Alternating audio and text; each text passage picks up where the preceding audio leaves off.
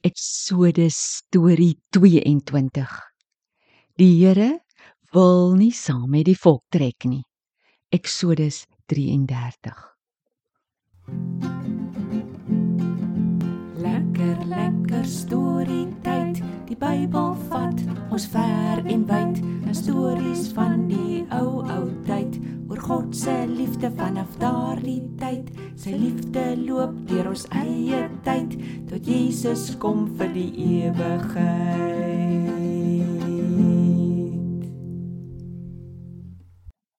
Hallo, Tobias. Jy frons so my voorkop pyn skoon. Waaroor wonder jy vandag? Hallo julle. Tannie Karen, my kot, tuin ook. Dan ek wonder as die Here altyd daai ons sien hy dat hier aangaan op hierdie aarde? Sjoe. Dis 'n groot vraag. Tobias, op 'n paar plekke in die Bybel sê die Here dat hy altyd by sy kinders is. Maar dat dan die mense dat nog nie sy kinders is nie. Wel, terwyl ons op die aarde is, is die Here se oog altyd op ons. Hy gee nog tyd dat alle mense sy kinders kan word. Die oomblik as enige mens na hom roep om voor hom te buig, dan hoor hy onmiddellik. So ek dink die antwoord op jou vraag is ja. Die Here sien alles wat hier op die aarde aangaan. Och, dankie tog. Goed. Daddy, nou 'n storie. Tobias, jou vraag laat my dink aan die dag wat die Here nie verder saam met die volk Israel wou trek nie. God het vir Moses gesê hy moet die Israeliete vat en na Kanaan toe trek, die land wat oorloop van melk en honing, want God het dit mos beloof aan Abraham, Isak en Jakob. God het gesê: Ek sal my engel voor jou uitstuur en jou help om al die ander volke voor jou uit te dryf. Maar ek ek gaan nie saam met die moedswillige volk nie. Nee, net nou maak ek hulle almal langs pad dood. O, orde.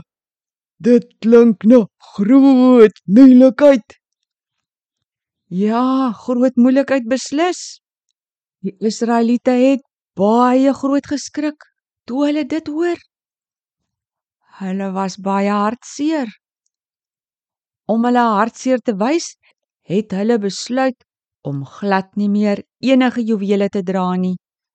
Nie oorbelle, ringe, armbande of enige mooi ding om hulle nekke nie. Die Here sê toe: "Julle is so moedswillig. As ek net 'n oombliekie saam met julle moet trek, maak ek julle dood. So, bære al julle juwele. Ek sal later oor julle besluit." Daddy? En dat toe?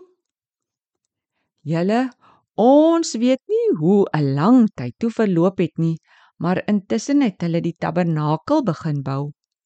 Ons sal in 'n ander storie nog lekker gesels oor die tabernakel.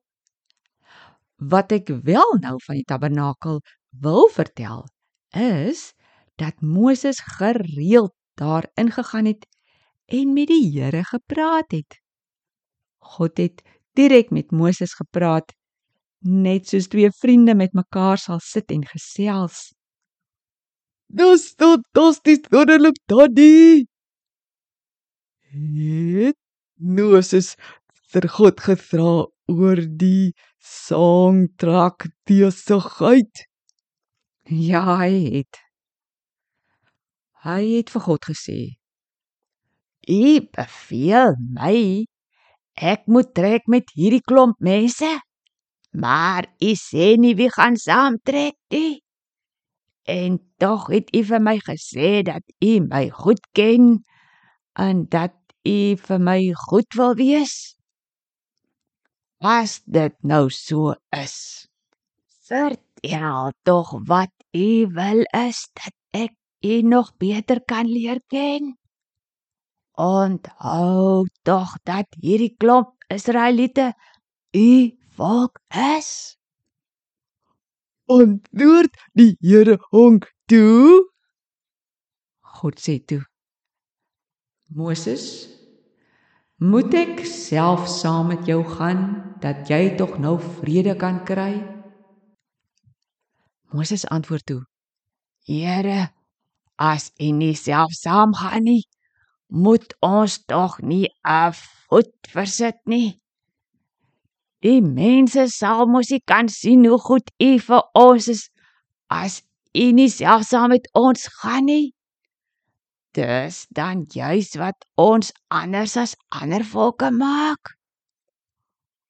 En en God het geantwoord.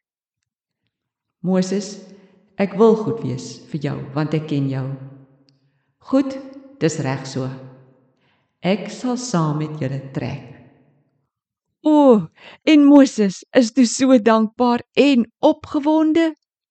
Hy vra toe: Here, kan ek is asseblief sien? Die Here het hom herinner dat geen mens sy gesig kan sien en bly leef nie.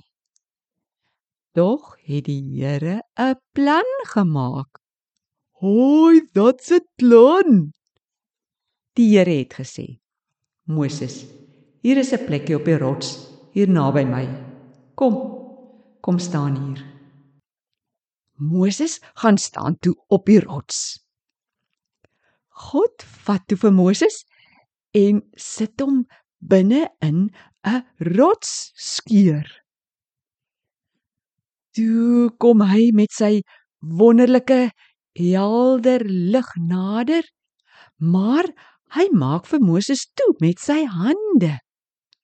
God het hom so toegehou, toegehou totdat hy in sy grootheid verby die rotsskeur is. Toe vat God sy hande weg sodat Moses hom van agter af kan sien.